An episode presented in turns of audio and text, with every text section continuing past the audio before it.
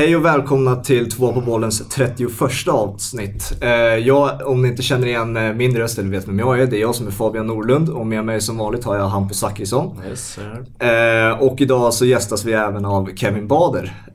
Kul att du är här Kevin. Ja, tack så jättemycket att jag får vara här. Ja, skit, skitkul att ha dig här. Som sagt, vi hittar ju dig bland annat från Tysklandspodden. Eh, eh, bloggen heter det, Tysklandbloggen på eh, Fotbollskanalen. Men sen också har en egen podd, eh, klacken.nu. Stämmer bra det. Ganska lik eh, format på det sättet vi har. Eh, liksom, pratar nutid fotboll med gäster och sånt där. Så du lär ju känna igen hur det, hur det går till här. Så du lär ju vara bekväm med det. Oh ja. Eh, och i och med att det är Tyskland-fokus så kommer vi fokusera väldigt mycket på tysk fotboll eh, i det här avsnittet. Med Kevin som gäst. Men vi inleder med vår vanliga tradition att nämna den första spelaren eh, som, med nummer 31 i ett som dyker upp i huvudet. Då. Mm. Eh, Hampus, du kan ju börja. Ja, jag hade ingen som dök upp i mitt huvud riktigt sådär men jag och Fabian satt på tunnelbanan på väg hit så uh, sa Sterling då. Mm. Under den hemska säsongen 13-14 då. Den, den var rätt fin ett tag. Ja. Men som Liverpool-supporter så minns, minns man den med, ja, som, som hemsk. Ja. Eh, men han hade 31 då han var ju ruggigt fin. Jag hade ju det Liverpool-karriären ut. Eh, Mm, exakt. Va- Alltså det är ju numera en världsspelare men eh, alltså då när han kom in som eh, 31 han debuterade som 17-åring minns jag mot City där. Eh, och han ha- var 17 år gammal då. Eh, som sagt och eh, då hade de lag som Fabio Borini, Sterling och Shelby som startade den i den laguppställningen mot Ja, det var ju faktiskt Sterling som liksom gav något ljus till, Ja. ja, till att heja på Liverpool överhuvudtaget. Mm. Eh, det ser annorlunda, annorlunda ut idag. Men eh, där och då tänkte man också att man fick väldigt bra betalt för Sterling. Ja, nu jo. fick man ju för lite. nu i efterhand ja. ja.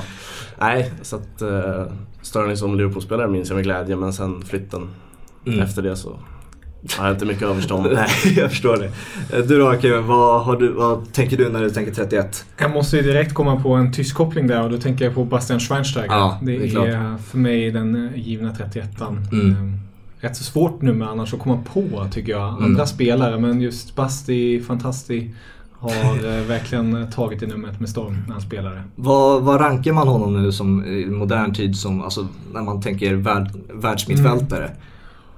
Ja, alltså ur ett tyskt perspektiv skulle man nog ranka honom väldigt högt. Mm. Ehm, Det var ju länge han stod i skuggan bakom Michael Ballack. Mm. Som en gång i tiden spelade i Bayern München och Chelsea och så Mm. Bayer Leverkusen.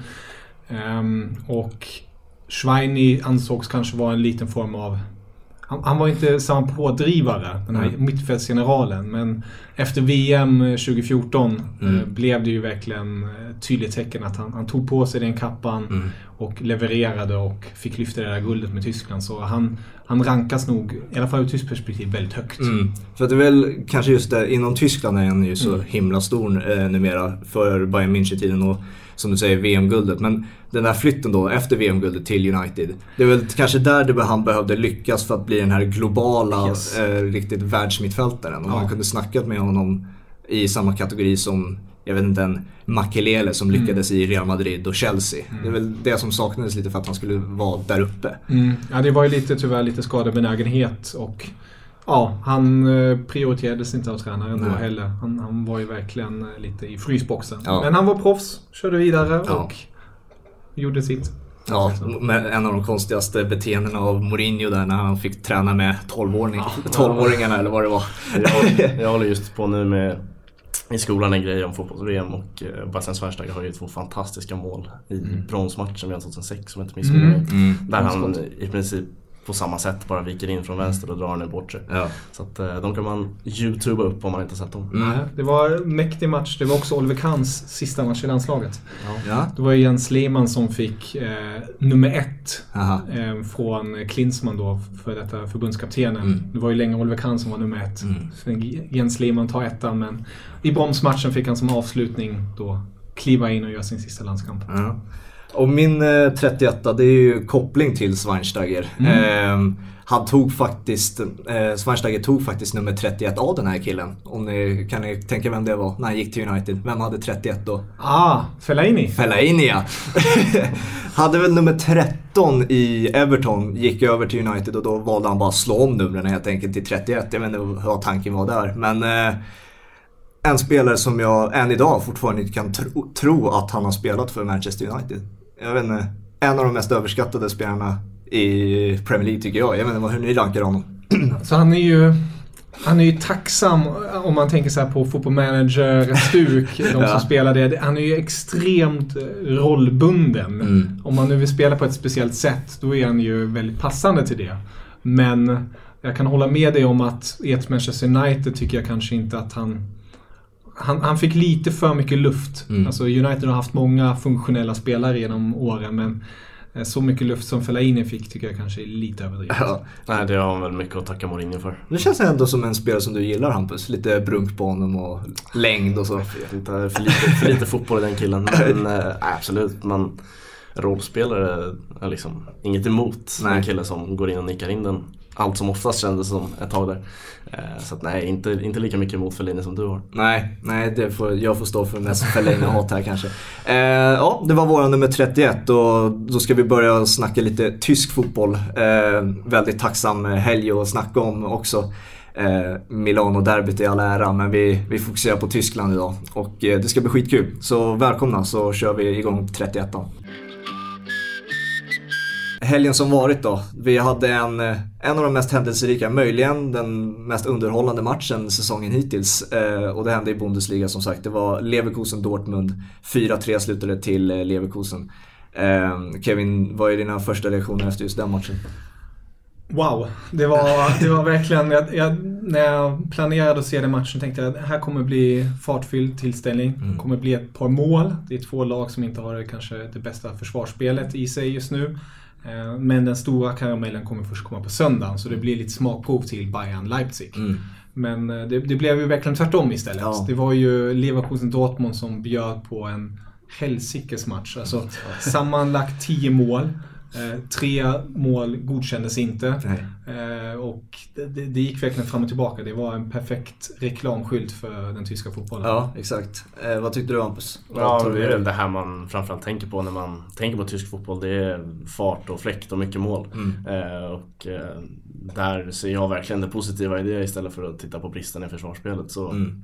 måste man älska anfallsspelet som ofta visas upp i den ligan. Mm. Framförallt i den här matchen. Jag tycker vi, innan vi lägger fokus på försvarsspelet och taktiska delarna i den här matchen, tycker jag vi kan ta tillbaka till de här tre målen som inte gilldes. Mm. Vi pratar ju mycket Premier League jag och Hampus och har ju då naturligt kommit in på VAR eh, och hur misslyckat det känns i Premier League. Mm. Eh, vi som inte följer eh, Bundesliga lika, lika intensivt som du Mm. Kevin, hur, eh, hur, ser, hur ser Tyskland och tysk fotboll på VAR? Eh, Är det liknande som i Premier League eller? Jag tycker väl att på grund av att Bundesliga har haft VAR nu längre än Premier League Mm. har man kommit in i ett annat tänk i det hela. Ehm, och jag tycker att man också agerade lite smartare än vad Premier League har gjort nu. Det, var ju en period där jag vet inte, ni får gärna rätta mig om fel, men en period där var det känns som att Premier League-domarna inte ens skulle gå, alltså de ska inte titta någonting, de ska bara Lyssna ja. lyssna och Ja. sen bara that's it. Eh, Jag tyckte de gjorde det rätt så effektivt ändå och har gjort det i Bundesliga. Mm. Att de, okej nu var, nu går vi och tittar, fix, dix, okej nästa, Mm. har vi beslutet. Mm. Men självklart har det hänt situationer vart man tänker, vad, vad satan är det här? Det var Mm. en match. Ja, eh, vad var det igen? Eh, nu, det var i Zweite Bundesliga eh, vart, måste jag komma på vilka, vilka var det som spelade, jag kommer inte ihåg längre vilka som mötte varandra. Det var ena laget skjuter, skjuter utanför. Då tar motståndarens avbytare bollen Mm. på sidlinjen. Alltså precis innan den går ut. Ja. Och då kommer VAR in och dömer straff. För att avbytaren tar boll, alltså verkligen så här millimeter. Ja. Och där är det så här, ah, okej, ja, det, ja det är fel gjort men kom igen. Det är de där millimetrarna. Det är ja. de där millimeterna som är lite larviga i vissa Ja. av, avseenden Det är jag. ju som offsiden i Premier League som har blivit nästan mer som ett skämt än en eh, faktisk regel numera. Så det, det, det är väl fortfarande som precis i Bundesliga att det behövs förbättras lite på. Oh ja. Finslipas fortfarande. Oh, ja. Eh, men eh, tillbaka till matchen då. Eh, Dortmund och deras backlinje. Vad, vad kan man dra för slutsatser kring den? Det är ju Hummels, när man tänker på honom så tänker man en världsmittback liksom. Men är ska man släppa den tanken numera? Nej, det tycker jag inte. Alltså, jag tycker han har steppat upp. Eh, han är ju inte på samma nivå som han en gång var. Nej. Men han åkte ju ordentligt ner i en så här riktig grop med, tillsammans, tillsammans med resten av tyska landslaget Mm. efter VM 18. Ja. Men jag tycker ändå han har klättrat upp lite där och blivit bättre.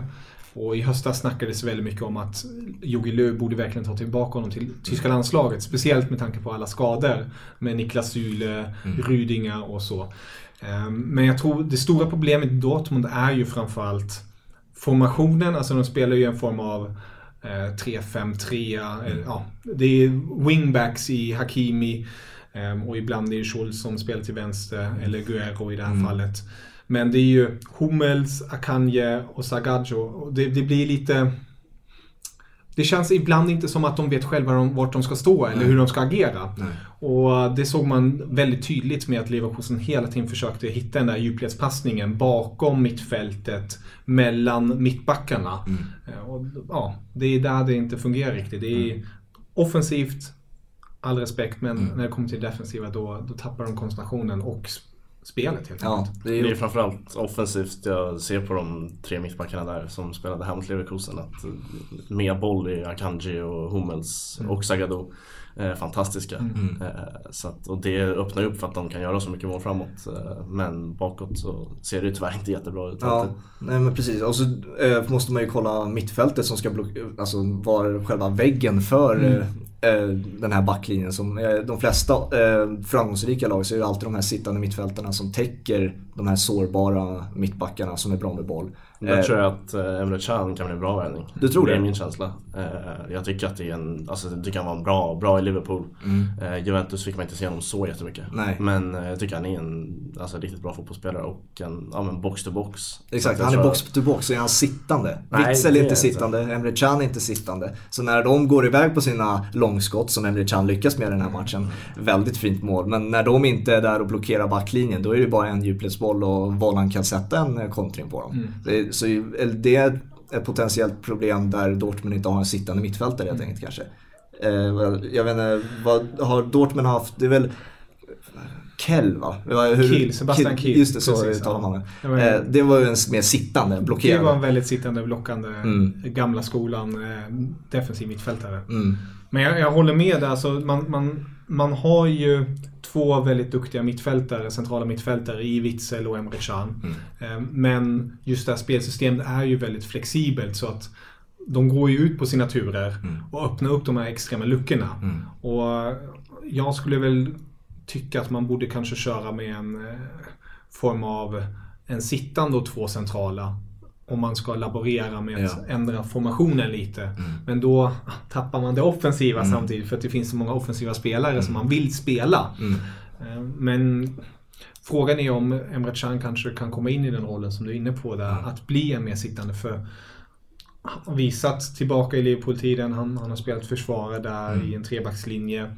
I tyska landslagen också spelat lite mer defensiv. Självklart tycker jag att det är trevligt att se honom i hans offensiva raider. Men i det här spelsystemet kanske han behövs just i den rollen. Ja, precis.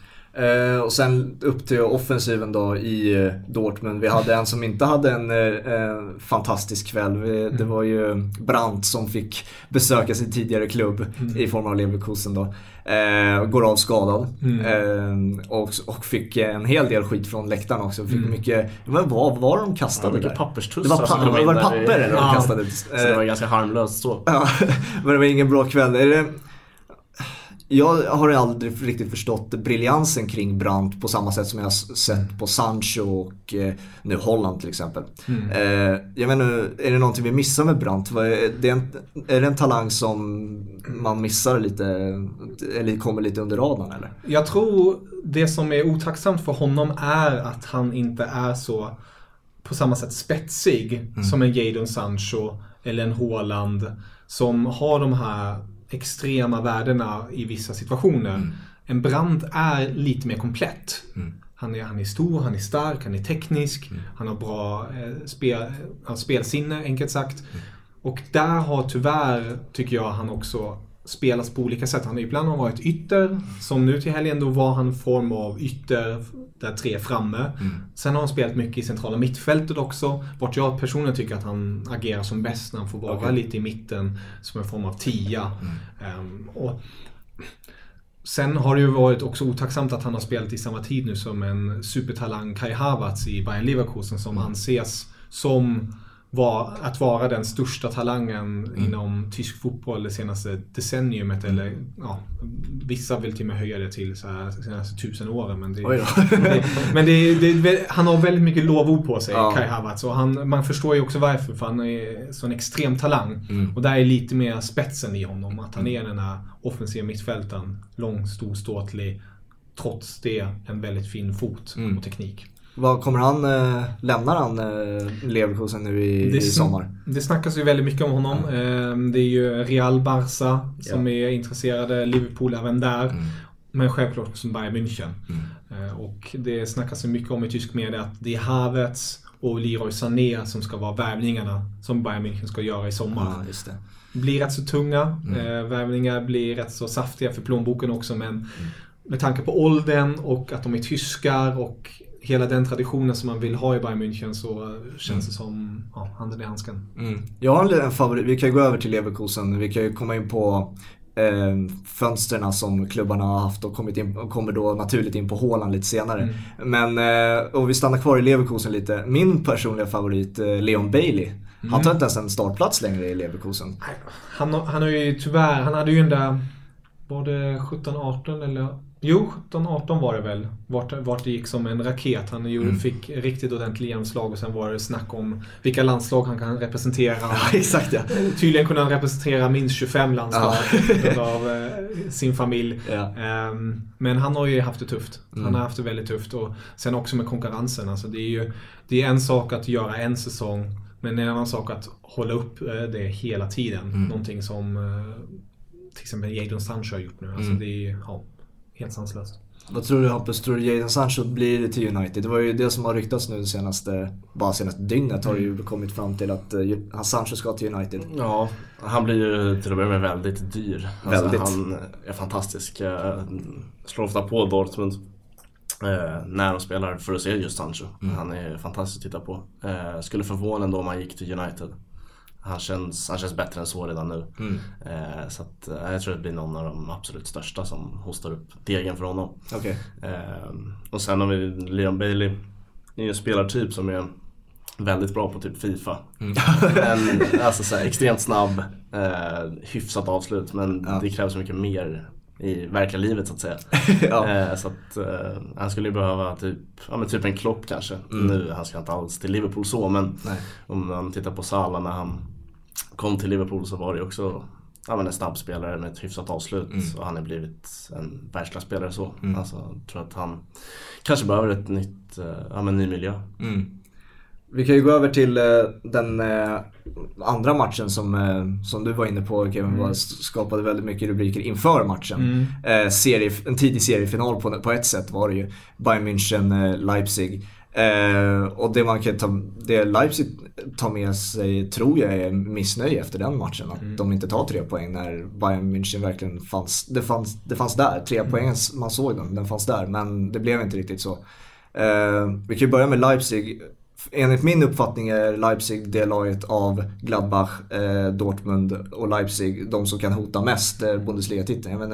har du den uppfattningen också? Ja, i alla fall den här säsongen. Mm. Speciellt med tanke på spelarmaterialet. Jag tycker de är komplettast av de lagen. Dortmund är självklart, har spetsen framåt. Mm.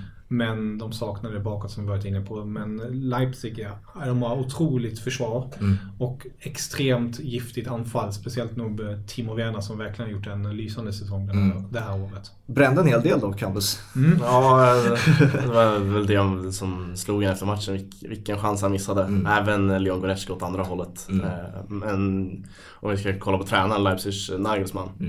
Så uh, såg ju, jag såg han första gången i kvalet i Champions League när Hoffenheim mötte Liverpool. Mm. Och blev ju ja, direkt kär i den fotbollen han, han gillar att spela liksom. Och mm. tycker att han, han har en trupp också som passar honom väldigt bra. Den är ung, ja. äh, truppen i Leipzig. Och uh, uh, känns som en perfekt match med Nagelsmann i Leipzig. Hur eh, skulle du se, det är också ett annat rykte, Werner till Liverpool har ju, blivit, har ju kommit fram nu mm, Jag vet inte hur det är med utköpsklausuler, kanske du kan Kevin? Ja, 60 miljoner euro snackas det om. Oj. Så det är en rätt så tacksam Ja, det känns som en... Ja, jag trodde den var mycket högre än så. Det, var... det känns som att bara slänga fram pengarna och ta Timo Werner, om det är 60 miljoner. Startar han då? Nej. Framför Firmino? Nej, det vet jag inte om man gör. Men... Det tacksamma är ju att han kan spela på alla tre offensiva Ja exakt, och man vet aldrig när spelare försvinner och Nej. Liverpool är ju toppen av världen nu så ja. att det skadar inte att ha en bra bänk också. Eh, och jag gillar Timo Werner mycket. Han är eh, extremt snabb men har ju också fått ett ännu bättre avslut och han är mm. fortfarande ung. Så att nej, det är ju bara Ja, det är väl det enda Firmino saknar i det, snabbheten som han har bredvid sig med Mané och Salah. Det är kanske någonting som skulle kompensera det där mm. djupledsspelet ännu mer i Liverpool. Ehm, och så kanske en Firmino i nummer 10. Ja, tänkte den. Tänkte den. Ja, precis. Då har man de fyra. Ja. Det, det skulle ju vara något fantastiskt att se. Ja. Ehm, men eh, tillbaka till Leipzig då. Jag har ju varit, blivit kär i tanken att Upamecano till exempel ska komma till Premier League. Eh, hur realistiskt tror du att det är Kevin? Jag tror inte helt omöjligt. Eh, mm. Jag vet att det snackas om att många klubbar är ute efter honom. Mm. Därtill även Bayern München. jo, klart. Det är klart. Eh, men även där ska inte utköpsklausulen eller priset vara så högt för en Premier League-klubb. Jag tror också det snackas om mellan 50 och 60 miljoner mm. ish.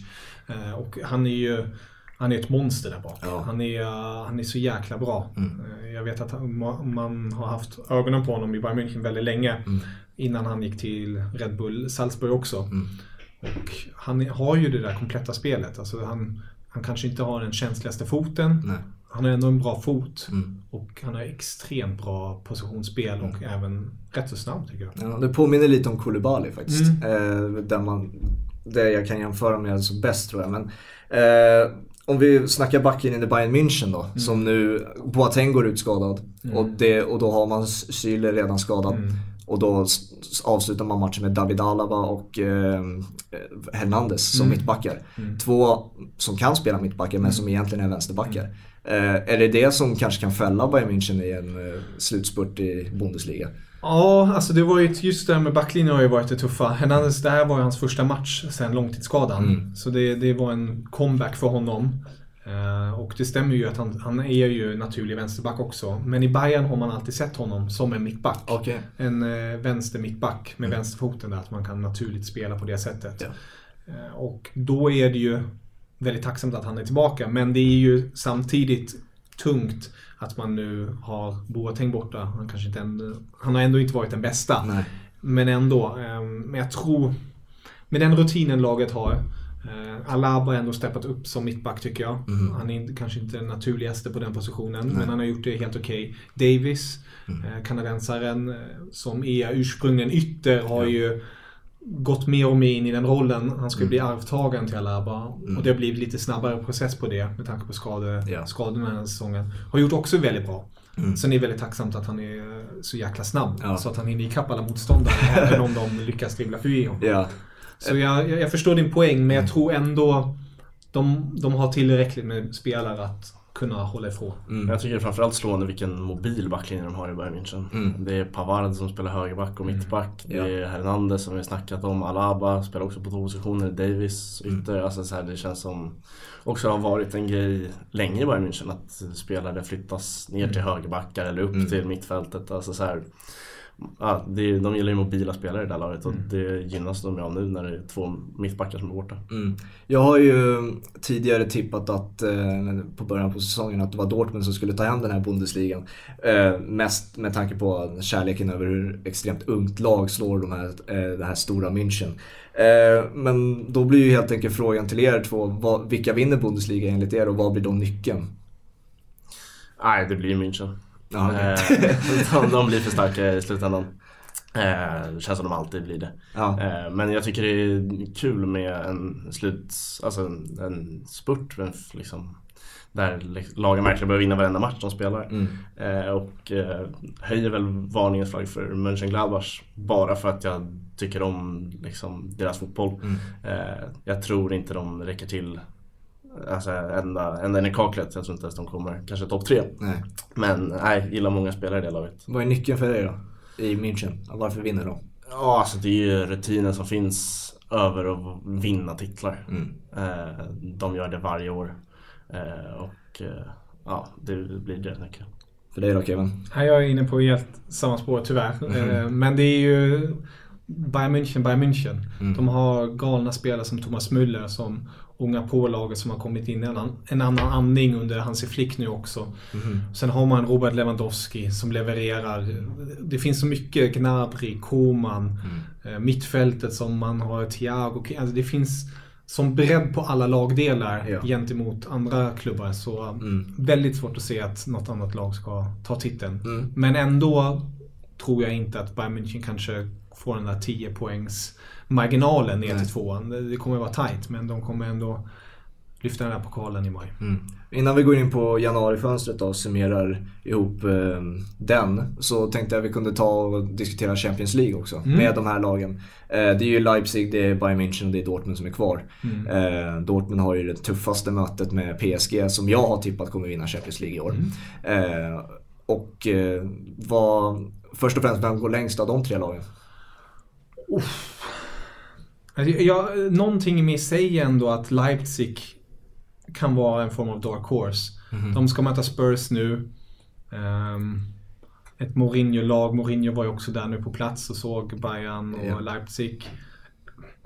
Jag tror att Leipzig tar den matchen. Mm uh, jag tror att de har spetskvaliteten, de har kollektivet och sen är ju självklart vilka de lottas mot härnäst.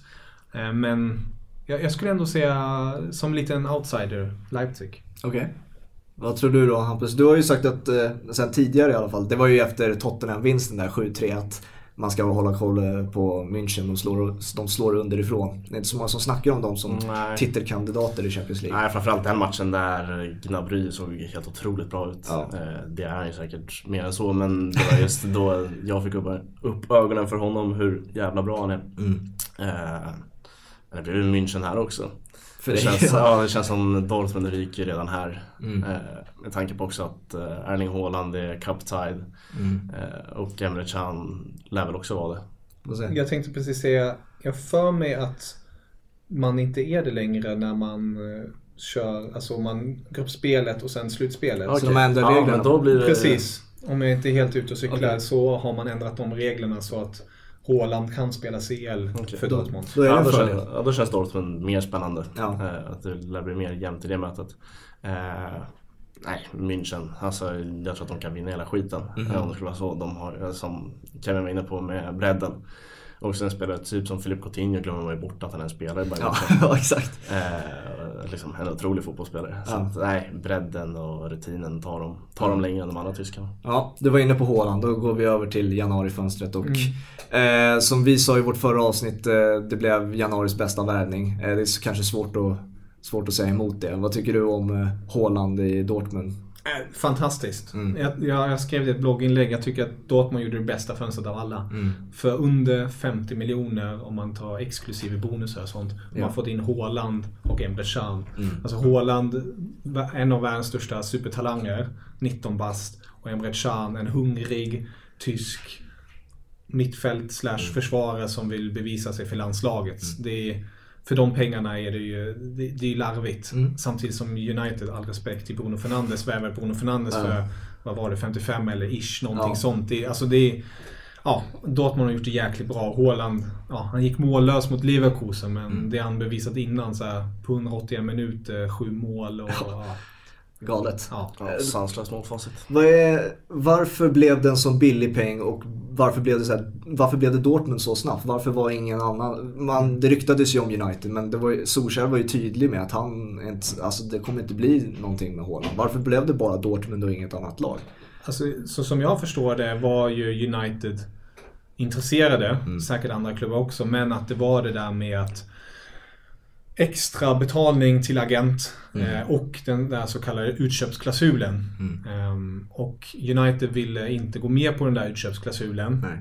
Som jag tycker personligen är väldigt märkligt av United med tanke på vart de befinner sig. Det är ju självklart United är United men just nu är de inte högst upp på näringskedjan så man kanske borde bara, okej okay, vi får tugga i oss det här. Mm. Men eh, då kom Dortmund med package deal, alltså man, man visar vi kommer satsa på dig, unga spelare får sin speltid här. Ja. Eh, och ja, ni får utköpsklausulen. De lyckades pressa upp den till cirka 70-75 miljoner euro. Okej. Men om jag förstått rätt aktiveras den först 2022. Mhm. Alltså sommaren 2022. Ja. Så teoretiskt sett skulle Haaland kunna spela nästa säsong i Dortmund, Mm. göra outstanding och sen kan Dortmund sälja honom för 150. 1,2 miljarder om man nu så vill. Ja. Ehm, eller man behåller honom en säsong till Mm. och sen säljer man honom för 75. Mm. Man gör fortfarande plus med Mm. tanke på att man köpte honom för 20. Mm. Och man, han har gjort jävligt mycket mål. Ja. Så det är... Ja, jag, jag, jag fattar inte att United inte slog till. Men ja, det är väl någon form av eh, prove att man vill stå emot det där agentskapet Ja. och sånt. Jag menar, Jag tycker Dortmund också har gjort sig väldigt attraktiv för unga spelare. Ja. Alltså framförallt med Jadon Sancho nu senast. Alltså man plockar en kille som inte hade gjort en A-lagsmatch. Eh, direkt in, får speltid. Eh, spelare som nu kanske är här Jakob Brunn Larsen. Mm. Också fått mycket speltid. Eh, så att jag tror unga spelare vill till Dortmund. Mm. Eh, I en större, alltså jag hade nog hellre gått till Dortmund än United Ja. om jag var Haaland. Så Mm. att, eh, jag tror också blev, ja, blev bra för Haaland personligen också i slutändan. Ja, det ser ut så till en början i alla Ja. fall. Vi fortsätter. Vi eh, nämnde Bentaleb i förra, avslut, förra avsnittet. Gick till Newcastle från Schalke. Eh, vi, både jag och Hampus blev liksom, vi har varit imponerade av Bentaleb. Mm. Och det sägs ju att han har höjts en, en hel del i Schalke. Eh, från, när han gick från Tottenham där och var relativt misslyckad i Premier League. Vad, vad är det för nivå eh, Newcastle får i en spelare? Jag skulle... Det är en bra spelare. Mm. Det är, jag håller med. Han har höjt sig från den tiden eh, som han haft tidigare. Men det är inte nu någon... Ja, man, man faller inte av stolen om man säger så. Nej, nej. Är, i, I Schalke har det väl, när vi snackat mittfält och offensiva mittfältet speciellt, har det varit Amine Harit som har varit på tapeten. Ja. Som har varit den heta potatisen och varit en form av motor i Schalke som har gjort det väldigt bra under Wagner. Men... Eh, helt okej värvning. Alltså det är, jag skulle nu inte lyfta honom till några skyar eller så. Nej. Men han är heller inte... Inte, han är inte kass. Nej, nej.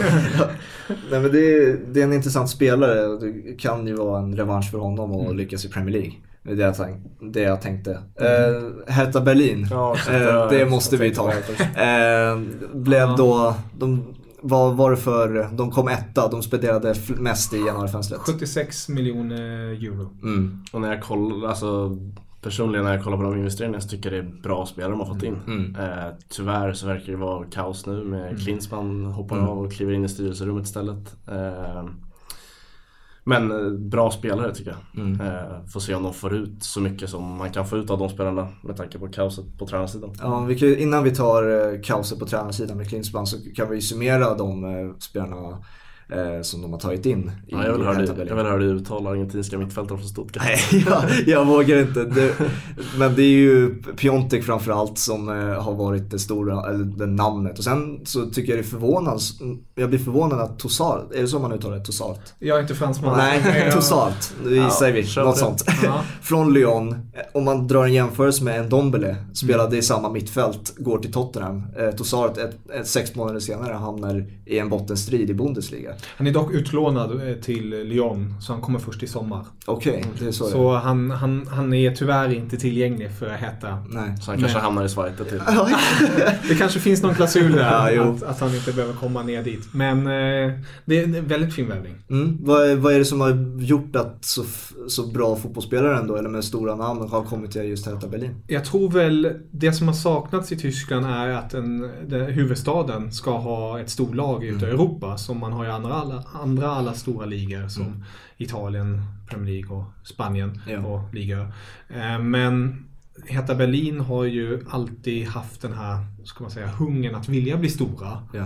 Och med tanken, nu ska man inte dra hela den, men tänker på Berlinmuren och ja, det, nu är det ett tag sedan nu. Nu har det gått ish 31 år. Så det är tacksamt att det börjar försvinna hela den delen och då har också Hertha Berlin kunnat bygga upp sig själva. Och nu har en investerare gått in vid namn Lars Windhorst och köpt 49,9% av klubben och pumpat in pengar och sagt att Hertha Berlin ska vara ett topplag i Tyskland, de ska spela ut i Europa Och sen tog han med sin kompis Jörgen Klinsmann i styrelserummet. Mm. Och när, när eh, de kickade sin tränare i höstas, då tog de in Klinsmann då och sa Mm. Låt dig, du kan eh, vara huvudtränare fram till sommaren och Mm. därefter ser vi. Och jag tror det har gett så här, mer smak till spel. Bara shit, Berlin, underbar stad. Mm. Eh, ny satsning, vi kan skapa historia. Mm. Jörgen Klinsmann som tränare. Alltså, jag tror det har varit väldigt intressant för sådana spelare som har varit som Piatek till exempel nu, hamnat i skuggan med Zlatan. Det är ju en väldigt otacksam roll han Väldigt. hamnar i där. Då Ja. tänkte jag bara fan, Berlin är nice. Mm. Spela Bundesliga, anfallsfotboll. Mm. Varför inte? Mm. Jag tror det är största grunden. Så vad är det... Kan du lägga bakgrunden till varför var den här frustrationen med Klinsmann och varför han, han avgår? Vad Ja, är det- det det- egentligen det- som har hänt? Det, det, är, det är det som är det roliga. Det är rätt så oklart på ett sätt. Alltså många... Eh, det blev som en chock igår. När, han, eh, när vi spelade in det här var det igår. Ja. Han kom med bomben, om man nu ska kalla det så. Skrev Facebook-inlägg. Spelarna visste inte om det. Flera av eh, tränarna visste heller inte om det. Ägaren fick reda på det precis kvällen innan. Mhm. Men han skrev någonting i stil med att om man är huvudtränare och om jag ska få ut min fulla potential då, då måste alla verkligen jobba åt rätt riktning och man måste ha fulla förtroendet. Mm. Och det har inte jag. Nej. Därför slänger jag in handduken och hejar på det heta men går tillbaka till min styrelseroll. Mm. Och det har ju fått enorm kritik. Många går ut och bara säger egoist. Mm. Lothar Matthäus gick till exempel ut och sa att Ja, jag känner Klinsmann länge och jag har ju beskrivit honom som en egoist tidigare och nu visar han det återigen. att han, han är väldigt eh, självcentrerad. Han, gör, han gör det extrema. Antingen gör han det eller han gör det inte. Ja. Positivt och negativt, men jag tycker personligen att det är extremt märkligt att, man, att han bestämmer sig för det här. Mm. Precis efter man gör ett rekordfönster. Ja. Självklart, nu, nu förlorade man mot Mainz på hemmaplan med 3-0. Robin Quaison, vi kommer komma in på det Ja. senare. Ehm, men ja, det är jättemärkligt. Ja, verkligen. Då, och just det där oklara med att man inte, hur var det du la fram det, att man inte blir backad Ja, man får inte förtroende. förtroendet. Nej. Och då, Menar han på. ja, och då blir ju frågan då, är det från styrelsen, är det från spelarna, är det från sin tränargrupp han har med sig? Det, det är svårt att tolka det då. Ehm, Jörgen Klinsmann verkar inte heller lyckas som tränare någon gång. Jag vet inte, eh, han fick ju någon eh, session där i München, lyckades inte där. Eh, Jag, jag har inte så jättebra koll på heller hur, han, hur det gick i USA men jag vet inte, det, det, blev, det blev en legendar som inte blev någonting inom eh, tränarfotbollen. Eller vad tror du? Vad tycker du Hampus? Jag har en extre, extremt dålig koll på hans tränarkarriär måste jag säga. Jag summerade den ju Eh, precis. ja, jo. Han hade väl Tyskland i VM 2006 där. Yes. Eh, blev, bron, det- blev brons hemma VM där. Just Eh, det, det glömde jag lägga till. Med just Schweinsteigers mål som Ja, Ja. exakt. Eh, Känner man tyskarna rätt så var väl det ett misslyckande att man tog brons. Eh, Men... Dock eh, hopp på ett sätt för att EM 14, eh, 04 åkte man ut i gruppspelet. Ja. Och då var tysk fotboll alltså i bottenskrapet. Mm. Rudi Völler gick och då var det så här, vi har ett hemma-VM om två år, vad fan ska vi göra? och då lyckades han ändå komma dit. Men det var ju självklart, annars är allt annat än final är eh, ja, Ja, exakt. misslyckat. Eh, ja, nej, det, är väl, det är väl det jag kan om Klinsmanns Ja. Lite så.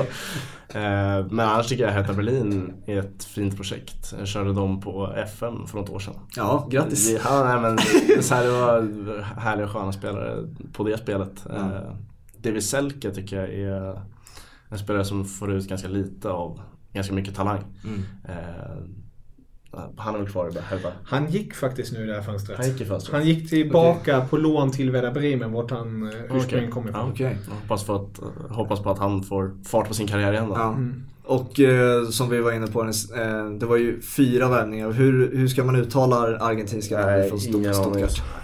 Och Jag skyller alltid på att jag är tysk så jag säger någonting i stil med Santiago Ascabar eller någonting. Nej, jag, jag, jag tycker det låter bra. Det låter bra. Eh, något mer eh, att hålla koll på en, eh, ett, eh, in, från januarifönstret eh, enligt dig Kevin? Uff. Ja, jag tycker vi har påtalat de flesta som jag tycker är, som man ska hålla ett extra öga på. Mm. Um, David Selke som du är inne på, Werder Bremen. Ett Bremen som verkligen behöver komma igen, komma Mm. igång nu. Det brukar vara det här klassiska suget på hösten och få fart på våren. Ja. Har dock inte skett ännu. Nej. Eh, Så det blir intressant där. Um, annars, nej. John Guidetti kanske? Ja, eh, ja men vi går över till svensk eh, kollen. Eh, och eh, det är ju Zweite Bundesliga. Eh, du är från Hannover, eller hur? Jag är från Hannover, är det, stämmer. är det ditt lag eh, han har gått till? Ty, ty, tyvärr, in, eller tyvärr, eller jag har väldigt mycket anknytningar till München så när jag var liten var det väldigt mycket Bayern München. Okej. Eh, men jag skulle väl säga att jag, det låter väldigt märkligt, jag vet att många av mina vänner tycker det är konstigt, men jag hejar lite på alla tyska lag Ja. när de spelar ute i Europa. Ja. Och sen vill jag bara se bra tysk fotboll Mm. i Tyskland. Eh, Men sen när det kom till landslaget, Mm. då är det 100% Tyskland. Okej. Så 2018 var ett mörkt år. Så Ja, det- det.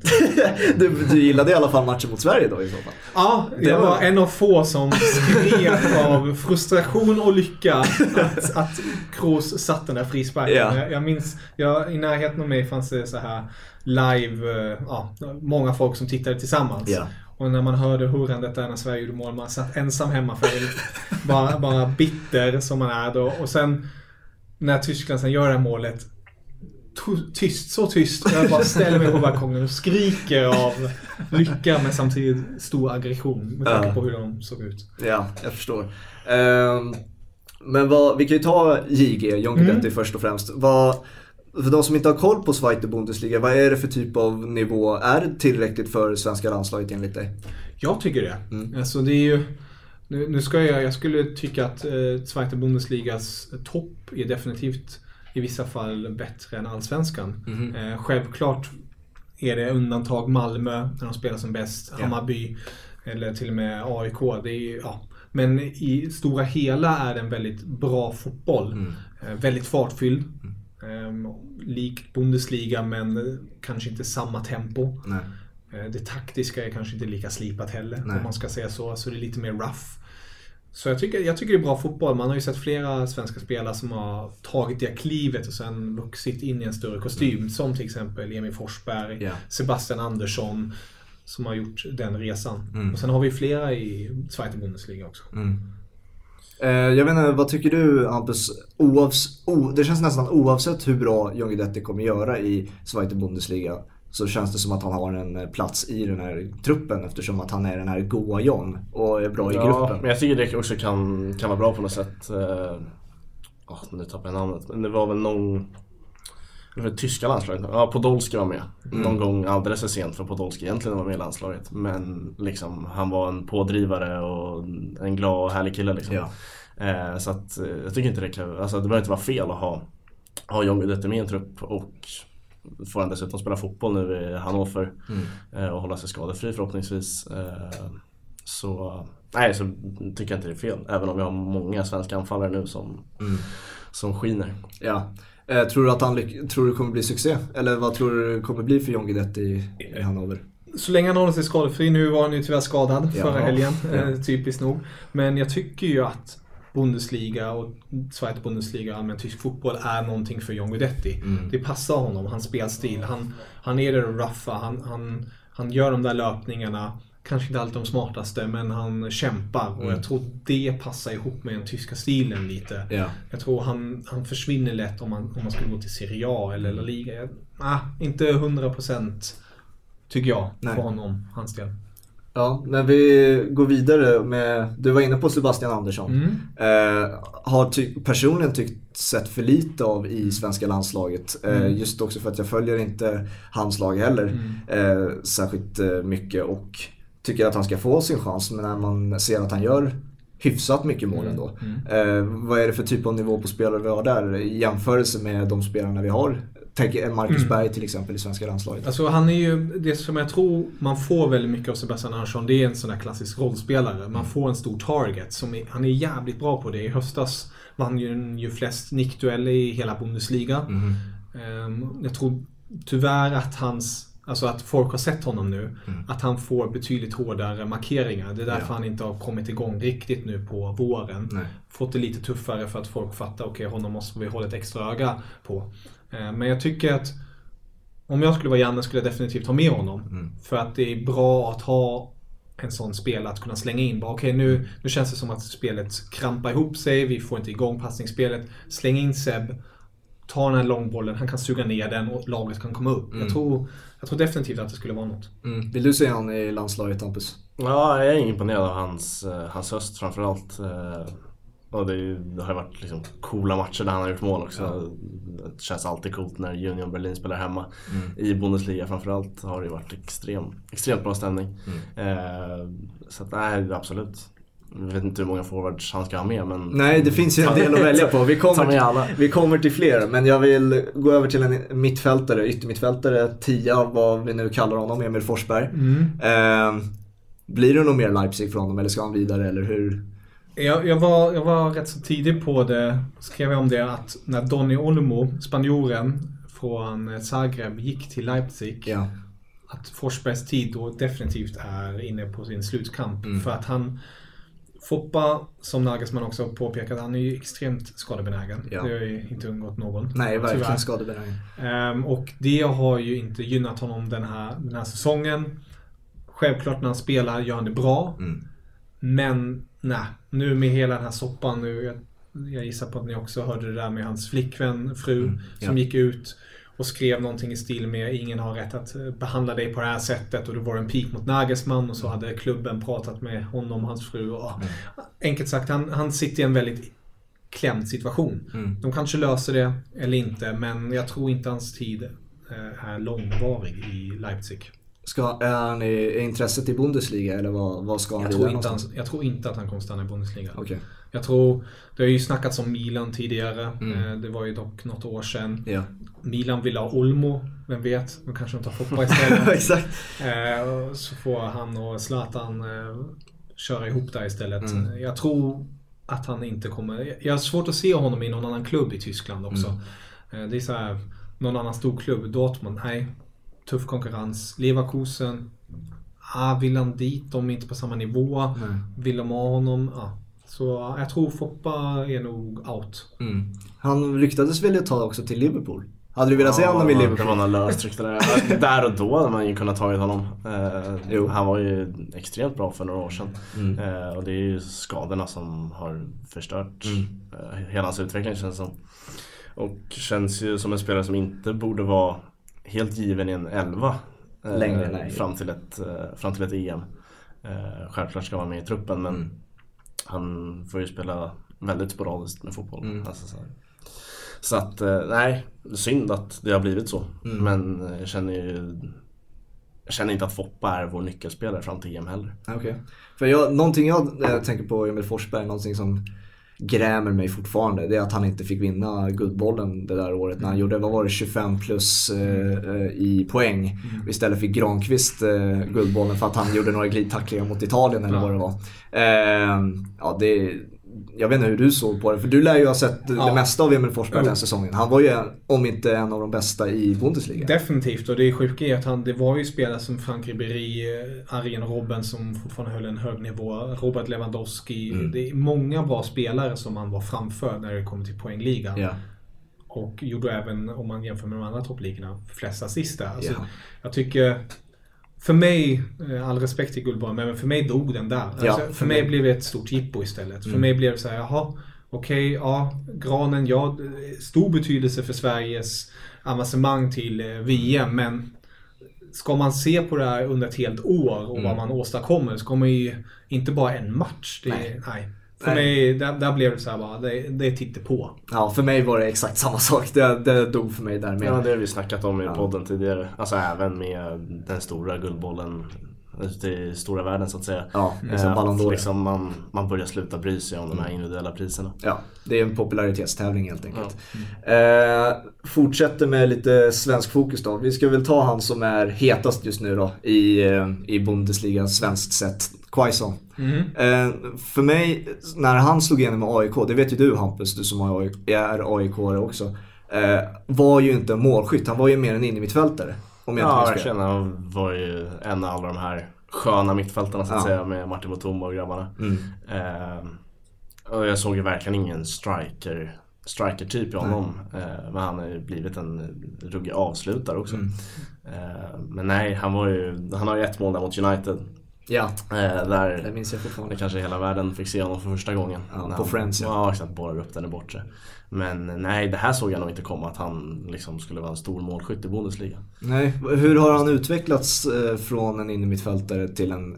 Är det en, ska man säga, tia eller nia i, i Mainz för eh, Quaison? Jag skulle väl säga eh, någon form av släpande i vissa fall. Mm. Alltså någon form, inte riktigt tia. Han har ju varit mycket djupled också om man säger så. Mm. Eh, Men jag tycker han har, han har utvecklats jävligt mycket och speciellt just med avslutet. Inför säsongen var man en stora anfallare Matita Mm. långtidsskadad. Då var det så här.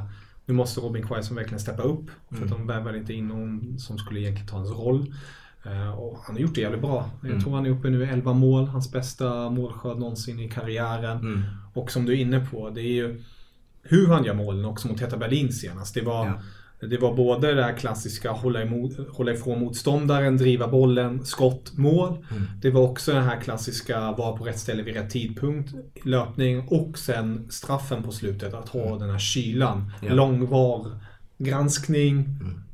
borta eller hemmafansen buar och han bara drämmer in den. Mm. Så ja, han har verkligen vuxit in i den där kappan av målskyttet. Och han är ju väldigt tacksam att spela för Janne om man tänker ur ett landslagsperspektiv. Han kan ju både spela som anfallare där Mm. av två eller ute på en kant och skära in och så. Mm. Det är väl eh, också mest imponerande just också för att Mainz är ett, ett bottenlag. Det är väl det som, det som är mest häpnadsväckande. Oh ja. att, att vad är det, 20 matcher, 11 mål eller något sånt där. Mm. Det är otroligt för, att, för, en, eh, för ett bottenlag, en anfallare. Eller som vi säger, inte ens en anfallare. Nej. Eh, Så det, det är ju fantastiskt. Eh, En annan eh, spelare då, Augustinsson. Som ändå, kanske ett år sedan eller ungefär två år sedan sa man det är utöver Emil Forsberg den killen man ska hålla koll på svenskt sett i Bundesliga. Har ju nu dragits med en skada sen i somras är det väl.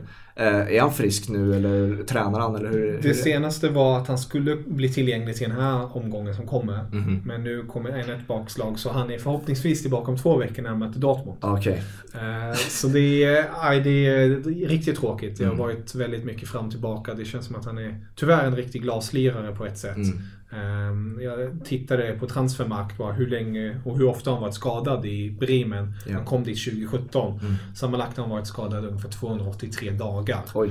Så det är ju, han har ju nästan varit ett helt år borta. Det är nästan som Bale-statistik på den alltså. Ja, Så det känns någonstans också märkligt att det är Augustinsson som är så skadedrabbad. För Ja. att han är ju en av de här BP-generationen. Ja, som Eh, tränar. och Han använder väl sin första lön till att köpa ett par liksom, återhämtningsbyxor och sådär. Ja. Så att eh, jag tvivlar inte en sekund på att han tar hand om sin kropp. Nej. Eh, så det känns märkligt att han är så skadebenägen som han är. Mm. Och för dig Kevin, är det vår eh, vänsterback? Eller vi har ju en Gagliolo i Parma till exempel som har varit väldigt bra den här säsongen. Om du skulle sett till Bundesliga, vad, hur eh, är nivån på Augustinsson? Är han bland de bästa vänsterbackarna i, Han är- i Bundesliga? när han är frisk och spelar regelbundet tycker jag definitivt att han är bland toppen. Mm. Eh, Självklart finns det sen spelare som Alaba när han är som bäst han jäkligt bra. Ja. Men nu har en Halstenberger också i Leipzig gjort det riktigt bra ifrån sig. Schultz också i Hoffenheim tidigare. Så det finns ett par kandidater men det är inte så att han är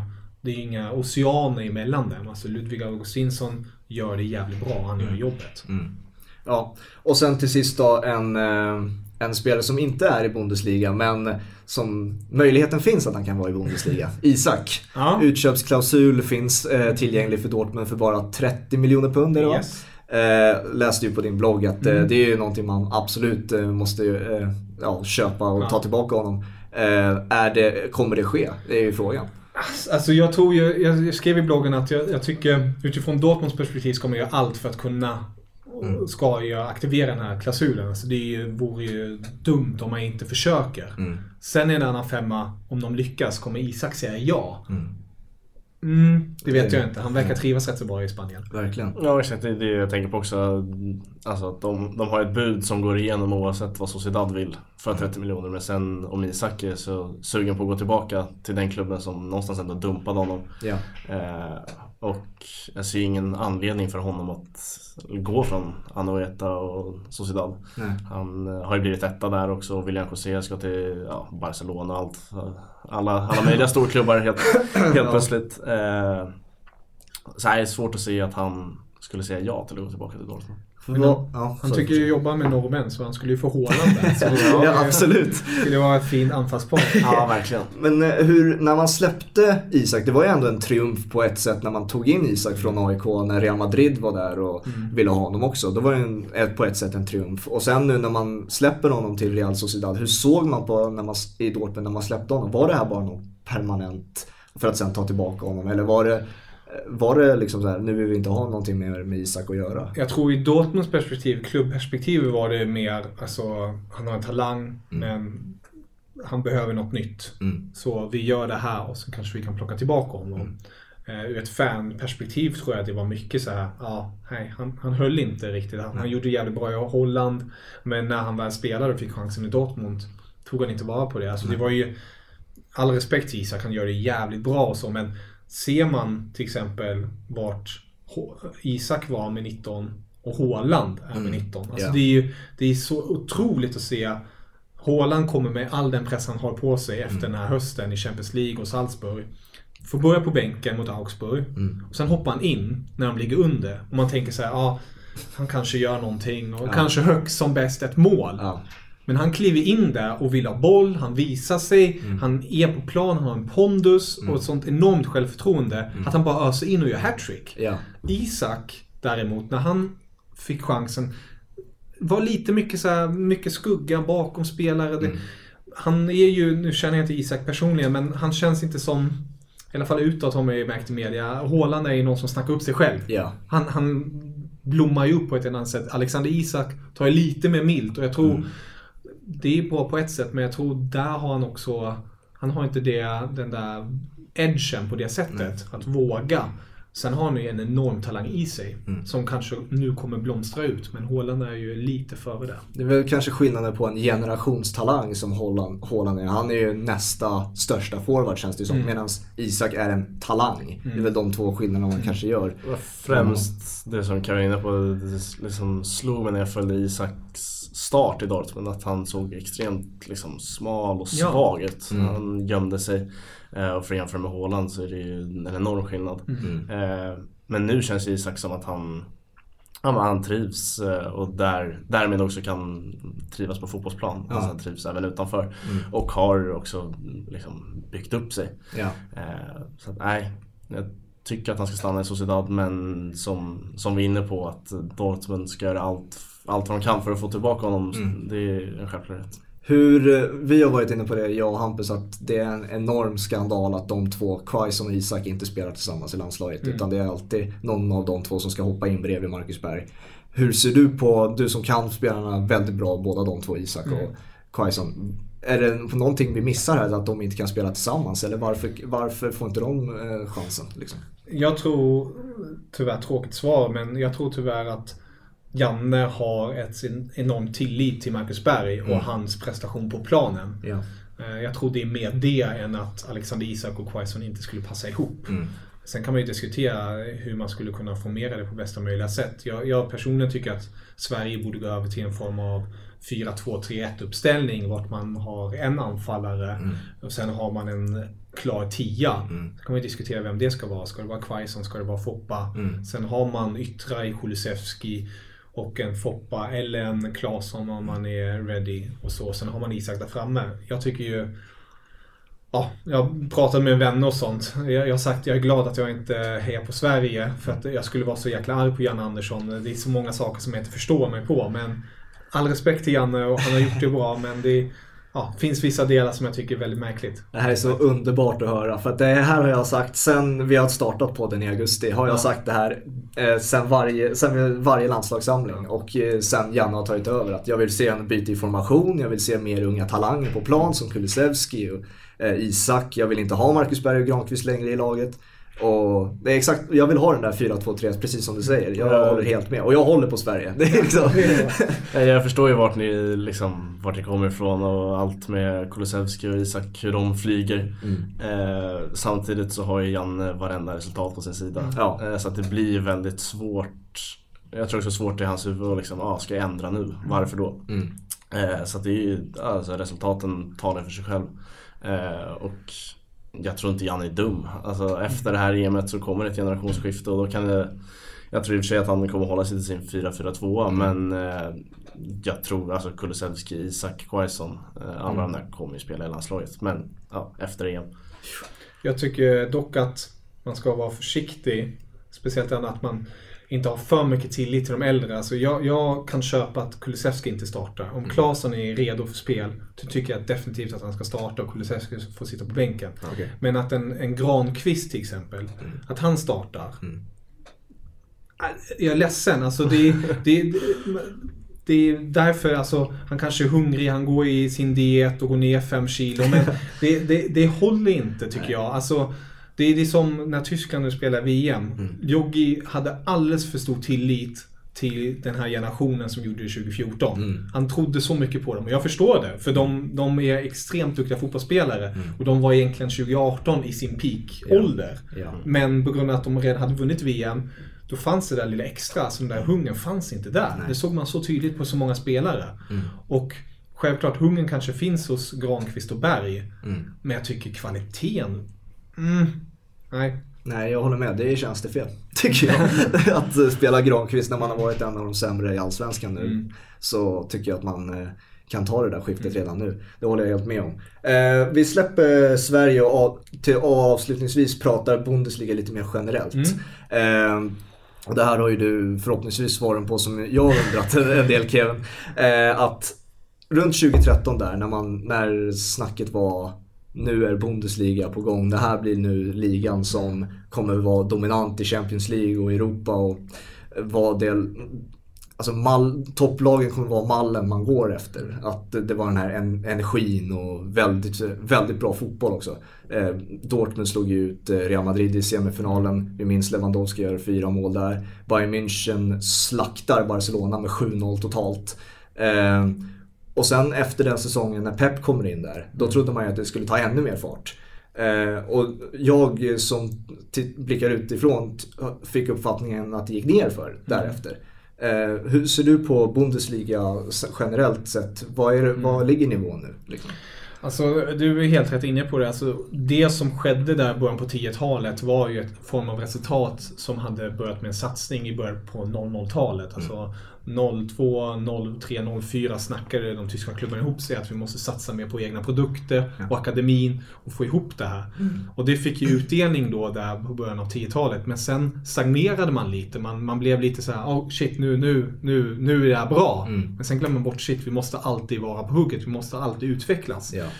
Nu behöver vi inte gå in i detaljer vad exakt det ska vara, men det, det fanns ett snack där i Tyskland att det, vänta, vi stannar upp lite för länge och kanske klappar oss på axlarna för mycket. Mm.